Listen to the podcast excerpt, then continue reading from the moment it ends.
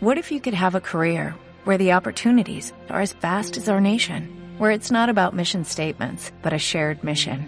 At U.S. Customs and Border Protection, we go beyond to protect more than borders, from ship to shore, air to ground, cities to local communities. CBP agents and officers are keeping people safe. Join U.S. Customs and Border Protection and go beyond for something far greater than yourself. Learn more at cbp.gov/careers.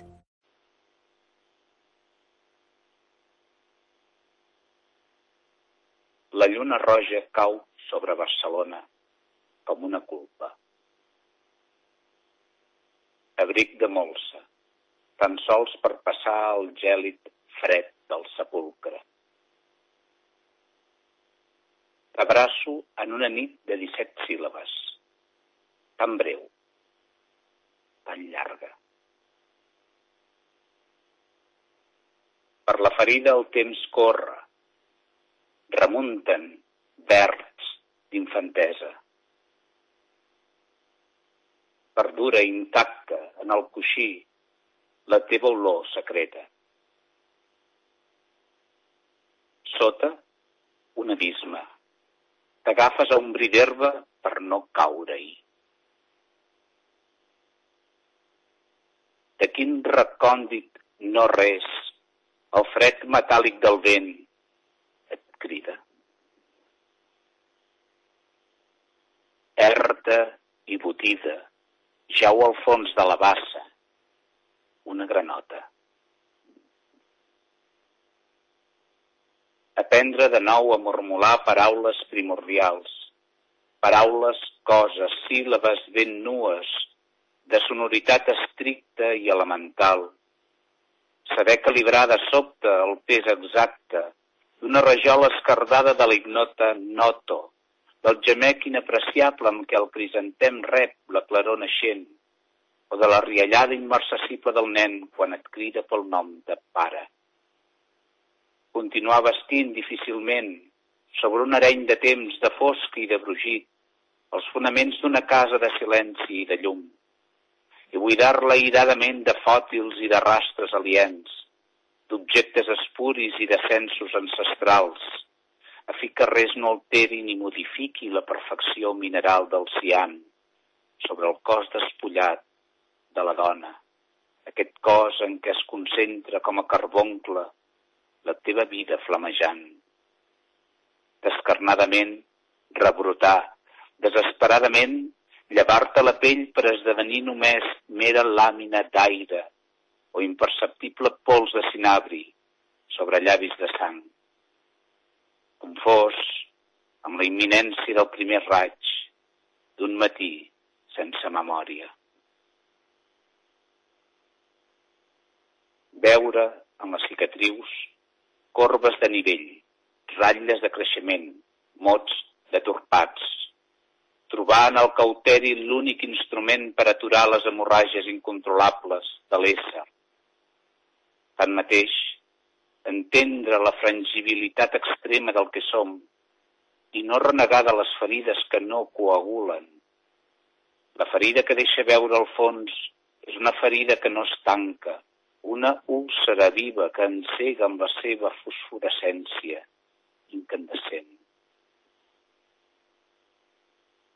Còdols o peixos. La pura transparència d'un fons de bassa. L'arquitectura de la clarona carada de dins en fora.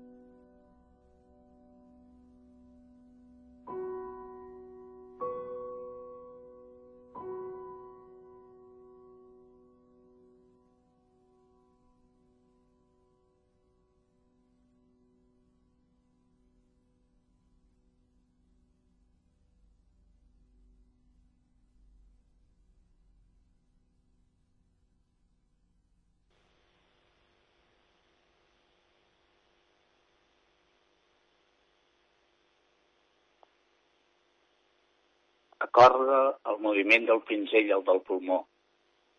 Sense humitejar-lo, mulla el pèl fins al ventre, impregna'l de tinta. Com el gimnasta que repassa mentalment l'exercici de barra abans d'executar-lo, recorre amb la mirada pregnant els gruixos i les revinclades del tronc, els meandres lignis que en modifiquen el curs i com una dansa sent-nos governats pel canell del bambú. No miris l'arbre, concentra't en l'horitzó del paper, en la lanada densa de la tinta, en la urgència retinguda dels dits. El tronc ha de sorgir de baix amunt, una línia de força contundent amb set traços marcats i gruixos variables, amb les irregularitats i els blancs que et proporciona el pinzell sec. Exercita't en aquest gest una vegada i una altra, fins que la soca pintada sigui vigorosa, tan bella d'aparença com la matller del camí.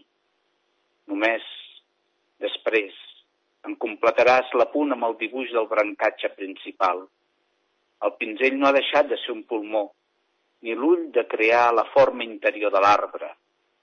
Unes branques inicien una elevació que tendeix a caure subtilment avall, perpetuant un inici d'arc amb el tronc. Unes altres trenquen la gravetat, elevant-se i fent-se ala. Lleu pinzellada per fer d'ala la branca, el vent, visible. Quadern de notes. Els fulls blancs reverberen.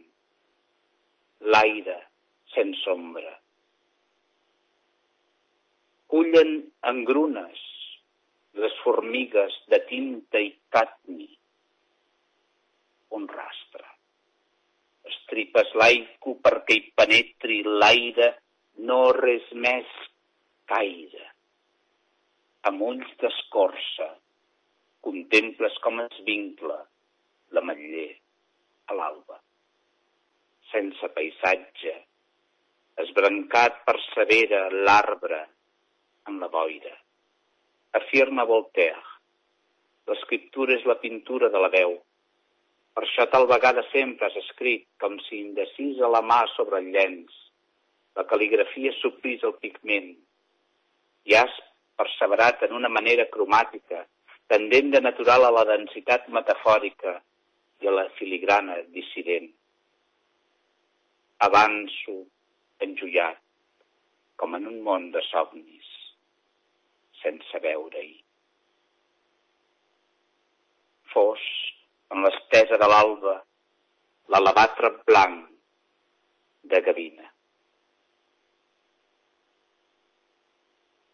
La no pinzellada no crea un espai neutre, el pas d'aire invisible entre els objectes, pots, ampolles i pinzells desuets de la natura morta una vegada i una altra no pintada. No possibilita mà l'àmbit diàfan que fa semàntic i nominal allò representat, que procura les condicions de l'existència. La no pinzellada evoca a una altra mena de buit lacerant. Incendia la dialèctica del no-res en un fons inapreciable i ens posa al caire d'un abisme sense fons. Sunta de cridòria d'ocells crepusculars i del sutge de la nit, el pinzell tens amb tota la violència del que està a punt de néixer i que restarà inèdit sobre la tavia crua d'un full de fibra de morera, perquè res no serà pintat i res no serà escrit. Has fet inútil el teu pinzell de canya, taca, sense esma. De la fundària del son no pots extreure síl·labes. Aparador de Poesia, programa radiofònic conduït per Pius Morera que pretén enfortir i engrandir la intel·ligència emocional de tots vostès. Poden escoltar-nos tots els dimecres de les 8 a 2 quarts de 9 del vespre. Aparador de Poesia, el programa més antic de Ràdio Sambi. Avui, dimecres, dia 10 de març de 2021, fem el 358 programa, el 22è de la desena temporada. Han escoltat, abans de la sintonia, 17 poemes d'Abraham eh, eh, Maïno Batet i entre el 12è i el 13è Fir Alina, composició d'Abro Part, interpretada per Jurgen Kruse, piano. Entrevista al convidat. Alguns poetes i personalitats ens visiten.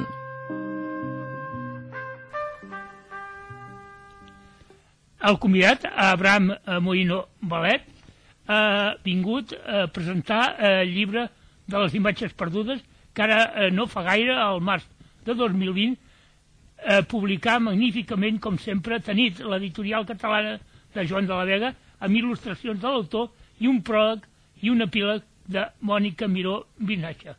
El llibre l'autor eh, hi combina amb harmonia, llegim en una recensió de Teresa Costa Gramunt a Núvol, dues formes literàries com són l'aiku i la prosa poètica amb un tercer element visual, les cal·ligrafies que li il·lustren la primera part del llibre que l'autor titula precisament Son del cal·lígraf.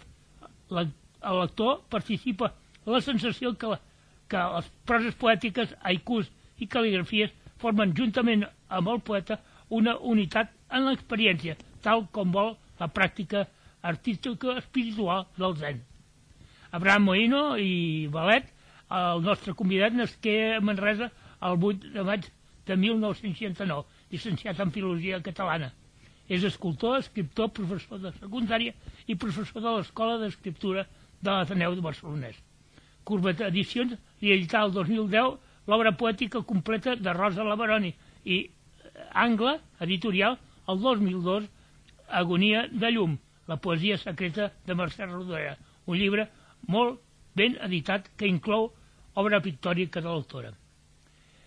Senyor Abraham Moïno i Valet, vostè ja sap, o hauria de saber, que estem molt contents, no sap pas quan, de tenir-lo aquí, tan a la vora o tan lluny, amb nosaltres. Benvingut al programa. Doncs moltes gràcies a vosaltres per haver-me convidat i permetre doncs, parlar de, del llibre de les imatges perdudes, que un llibre sorgit ara en temps de confinament i no és gaire bon temps perquè surtin llibres i no, no. qualsevol gest diem, de visibilitzar-lo doncs és agraït. Aquesta és una pregunta ximpleta. Vostè és, a banda de poeta, especialitat en haikus, escultor o artista? Eh, no ho tenim clar. Bé, eh, jo sóc un home de literatures eh, i, quan, que tinc altres aspectes, no? no? la meva recerca, altres aspectes com és esculpir o fer gravats o fer fotografia o videomuntatges.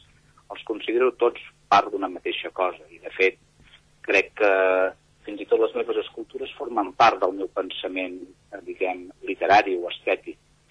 Per tant, ho veig tot com una mateixa cosa. No, no separo, no, no, no faig classificació. Eh?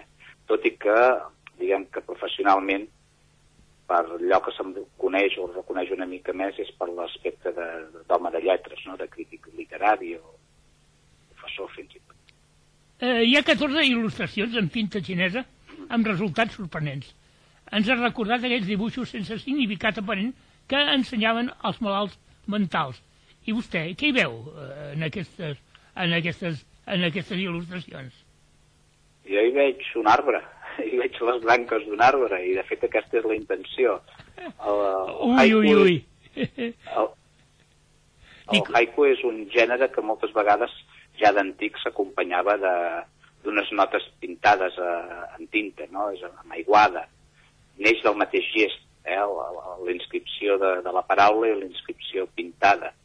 I aleshores eh, aquests, aquests eh, dibuixos que acompanyaven el haiku solien ser molt immediats, esbossos, eh? tenien més aviat la qualitat d'un esbós. I el que faig aquí és intentar atrapar eh, les imatges d'aquelles branques de, de l'escorça de l'arbre doncs, que motiva tota la primera part del llibre, eh, l'observació del qual motiva tota la primera part del llibre. Eh... És un homenatge a un ametller. Eh, vostè ho diu, no sé si el lector ho veurà d'aquesta manera. Deixem-ho aquí, eh? L'escriptura és la pintura de la veu? Home, eh, l'escriptura eh, ens permet de veure-hi, ens permet de veure i en aquest sentit eh, té aquest element plàstic, l'escriptura. L'escriptura permet de denominar la realitat i de pintar la realitat i l'escriptura doncs, com una projecció de la veu. Crec que si ho considerem així podem afirmar que l'escriptura és la pintura de la veu. Perquè res no serà pintat i res no serà escrit. Uh, això... Bé, eh, com s'entén aquesta... Que això és, és, és un fragment d'un dels poemes. Sí, sí, sí, i tant. I és un fragment que bé, jo, eh, clar, tota la primera part del llibre és la, la, la meva intenció de pintar l'arbre, de posar-me allà davant d'aquest arbre, d'aquest arbre que és una ametller, una ametller de camí, que l'observo, el miro al llarg de molts anys, que l'intento fotografiar, l'intento eh, és l'intent d'atrapar una cosa que a vegades no, no, és, no és tan fàcil d'atrapar, d'interioritzar-la i, i, i, no sé, fer-ne alguna cosa consistent artísticament. El que passa que això també m'obre un discurs, que és un discurs que apareix en tota la meva obra, sobre el que som capaços de fer i el que no, i, i el que som capaços, no som capaços de fer, és a dir, entre el que arribem a fer i el que no farem mai, no? El, desig de pintar i, i la impossibilitat de vegades de fer-ho. L'art al, fi, al final també és un intent d'atrapar allò que és inefable, indicible, i per tant és un, és un, un tipus de, de sintagma, un tipus d'afirmació que neix des d'aquesta consideració de la impossibilitat finalment de tot plegat. Crec que com molts poetes, i vostè eh, l'és, eh, juga amb els números. A banda que 108 eh, són el nombre de haikus del llibre, és el nombre atòmic eh, del Hassi, o d'Assi, no sé com s'ha de dir, de totes maneres llargues que, per cert, eh, són totes elles remarcables. La fragilitat, molt plàstic, eh, conté nou proses i cap haiku. El nou al Japó eh, porta tanta mala sort eh, com el 13 al món occidental. Per cert, la novena de Beethoven és la darrera que va escriure el músic i la Eneda són nou déus de la mitologia egípcia i Ra, un d'ells, es podia transformar en gat o en qualsevol altre dels déus. déu nhi poeta, com s'ho ha treballat vostè?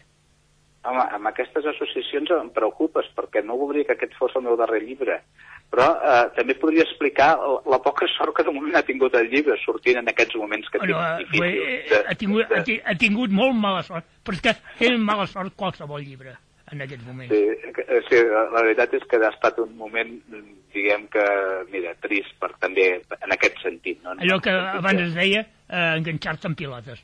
Eh, sí, sí. Eh, no enganya vostè. Eh, T'abraço en una nit de 17 síl·labes Bé, no, no sé si enganyo o no, però això, això pertany a un haiku. Sí, sí, un haiku. Però, però vostè està dient que eh, mm, l'abraça en una nit de 17 síl·labes i el, el haiku eh, té exactament 17 síl·labes. Sí, sí, sí, jo jugo amb, amb, amb aquesta associació, evidentment, és a dir, que, que el haiku té, té una cosa que és, que, que és breu però també és molt, molt embolcallador, no? Eh, suggereix molt. De totes maneres, el haikus, eh, al Japó, els gèneres literaris al Japó, els gèneres poètics, solen tenir també associacions eh, temàtiques. És a dir, el haiku normalment és, està destinat a parlar de la natura. Si ara volgués fer un poema d'amor, faria, utilitzaria una tanca, és a dir, fan aquesta compartimentació. Però aquí, precisament en aquest poema, jo faig un, un haiku de, tip, de tipus intimista, eh? o, o amorós, és un poema de fet amorós, d'acord, en forma de haiku. Transgradeixo aquesta ortodoxia del, del gènere.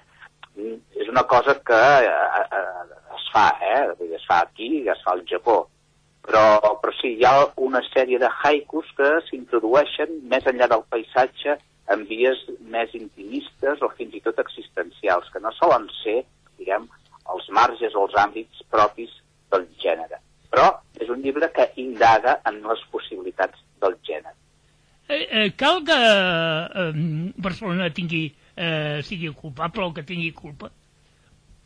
Bé, Barcelona és culpable de gairebé tot. Eh, el, no, aquí fa referència a un poema que, de fet, no, més que de Barcelona, eh, eh, és una imatge d'una lluna que cau, que veus sí, sí, Barcelona ja, sí, sí. amarades per, sí, una, sí. per una llum determinada d'una lluna. No és ni Barcelona ni la lluna, no?, la, les que tenen culpa, sinó la mirada de qui plasma aquesta imatge doncs, que té aquest sentiment de culpabilitat i en, i en el fons el que està fent és instrumentalitzar la natura i la ciutat per projectar aquest sentiment. No de, vostè no deixa de sorprendre'ns. La molsa entesa com a abrigall per fer front a la gelor de la mort, per exemple. O... Bé, això és una experiència, no?, de, molt de, de, de veure en els cementiris, no?, les plaques funeràries, els monuments, eh, diguem, els monuments funeraris, aquelles pedres, no?, amb aquelles inscripcions, i tot això a vegades és molt fred. La pedra, el marbre pot arribar a ser molt fred, i més en aquells contextos, i més si vius en climes també, eh, diguem, poc agraïts. Però després et trobes això, no?, que el temps, la pluja, els elements, van degradant aquesta pedra, la, la, la, la van corcant, i que a poc a poc allà vas veient que hi ha un element que és aquesta cosa verda, la molsa, no? que, que, que, que va fent, creant petits dominis sobre aquesta pedra i que d'alguna manera li dona una vida que aquella pedra que és símbol de mort, doncs aparentment no tenia. O aquesta. I és una, és una imatge que, que va per aquí. O aquesta, estripes l'aiku perquè hi penetri l'aire, no res més que l'aire.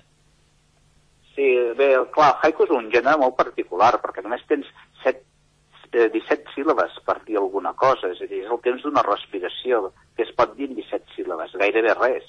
És a dir, per tant, l'objectiu del haiku no és tant dir, no és tan important el que dius com el que no dius. És a dir, l'important és el que suggereixes. I aquí jo busco això, intentar suggerir fins i tot eh, la transparència, no? És a dir, busco la transparència, busco intentar dir el no res, és a dir, abans comentàvem aquell, allò de no, res no serà pintat i res no serà dit. Aquest haiku, d'alguna manera, d'una manera eh, diferent, vol expressar el mateix. Uh, el temps representa una, una sola ferida? O són múltiples les ferides i totes elles venen de lluny, de la infantesa, potser? Bé, és possible que hi hagi una, una ferida original i que aquesta ferida original doncs, la situem a la infantesa com, com si parléssim d'una transgressió, d'una pèrdua, no? el moment en què som conscients que s'ha perdut alguna cosa, que és la pèrdua de la, de la innocència. Hi ha petites coses que ens deixen molt colpits a la infantesa quan notem que algunes ja es creen fissures. Aquesta, evidentment, és, una, és, una, és un tipus de ferida, entre comes, que la portem sempre. De vegades les ferides de la infantesa poden ser molt abruptes i tremendes. És dir, que, que, que hi ha trastorns del vincle que estan estudiats mèdicament, de gent que ha passat nefastes eh, infanteses i que ha arrossegat tota la vida psicològicament aquest mal. De totes maneres, la vida doncs, ens porta doncs, a haver d'assumir doncs, que la ferida i les ferides són una constant, formen part no? de créixer i de fer-se i fins i tot doncs, finalment es, de morir. Es, una bassa, eh, em sembla, eh, que no és pas un recipient d'aigua i cap eh, eh, i cap grossos que hi surtin, sinó que eh, s'hi pot veure al fons còdols, peixos i cronacrada de dins en fora. És així? Sí, que, aquest és un poema que, que, que parla d'això, d'una aigua molt límpida i que hi ha uns peixos entre, entre pedres i que no, hi ha una transparència una altra vegada una imatge de transparència. De totes maneres, la imatge de, de, de la bassa i de la granota que abans he llegit és una imatge diferent, perquè la bassa doncs, és més bruta. I aquest poema de la granota en realitat és un comentari a un poema de Matsuo Basho que, va, que va inaugurar tota la tradició del haiku eh, que fa referència a una granota que salta en, en una bassa d'aigua eh, i fa un xarbot a l'aigua. És només aquesta imatge, però aquesta imatge engega segles de tradició. Aleshores jo mato d'alguna manera el gènere amb aquest poema, perquè és, aquest poema parla d'una granota que jau al fons de la bassa erta i botida. Una esquerda és vella? Eh, com ho calibrem? Aprenent a murmurar paraules primordials o rebrotant eh, fets eh, mera eh, fets mera làmina d'aire. Bé, l'esquerda, jo diria de la manera dels japonesos, és, és, és vella perquè ens parla del temps, ens parla de, de, de la nostra fragilitat, la, i, i, els, i els japonesos estimen la bellesa, la bellesa en ve, ve, ve alta, eh, en ve de Barcelona, estimen la bellesa precisament perquè és moridora, perquè és una cosa que és tan, tan fràgil. Estimen tant la bellesa, ai, perdó, les esquerdes, els, els japonesos, que hi ha un art, que és el kintsugi, que consisteix a reparar les ceràmiques que s'han trencat, els gots que s'han trencat, les reparen, reparen les esquerdes amb una cola que és de color or. I sempre quedarà la marca d'aquest filament d'or eh, com a rastre d'aquella esquerda. Celebren l'esquerda al Japó. L'última pregunta que li faig. Vostè s'arboritza amb ulls d'escorça? Sí, bé, l'intent de quan pinto aquell arbre és fer-ho també... És, és un llibre que té molt aquest esperit japonès, intentar interioritzar allò que mires, és a dir, fins i tot interioritzar vol dir mirar-ho amb els ulls tancats, incorporar-ho mentalment i començar a pintar a partir d'aquesta imatge mental. Aleshores, crec que si vols eh, parlar d'una cosa, t'has de transformar aquell, en aquella cosa. En aquest cas, si jo volia parlar d'un arbre, calia que m'arboritzés, i quan vull parlar dels homes, doncs, caldria que m'humanitzés, aleshores si pogués prendre d'aquesta llum al nacre, la pell cobrir-te. Des, després de ploure, l'enfollida cridòria d'ocellada. I entre roselles la papallona groga posa el seu signe. Podries prendre el darrer sol dels arbres, com si fos préssec el paó lliure l'ull lluent d'una ploma sense recança.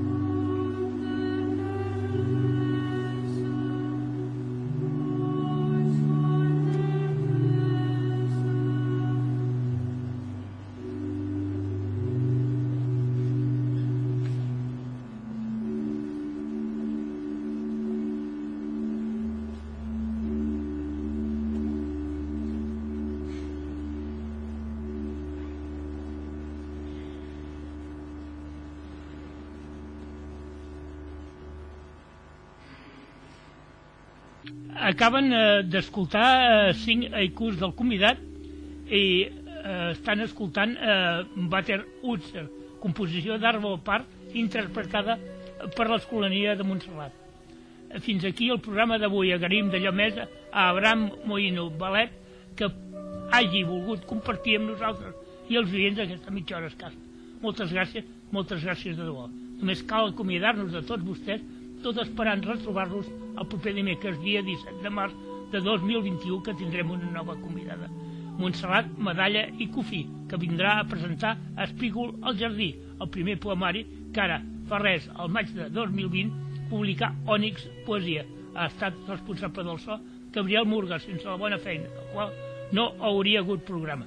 Durant mil·lennis han crescut les espigues que el vent pertorba.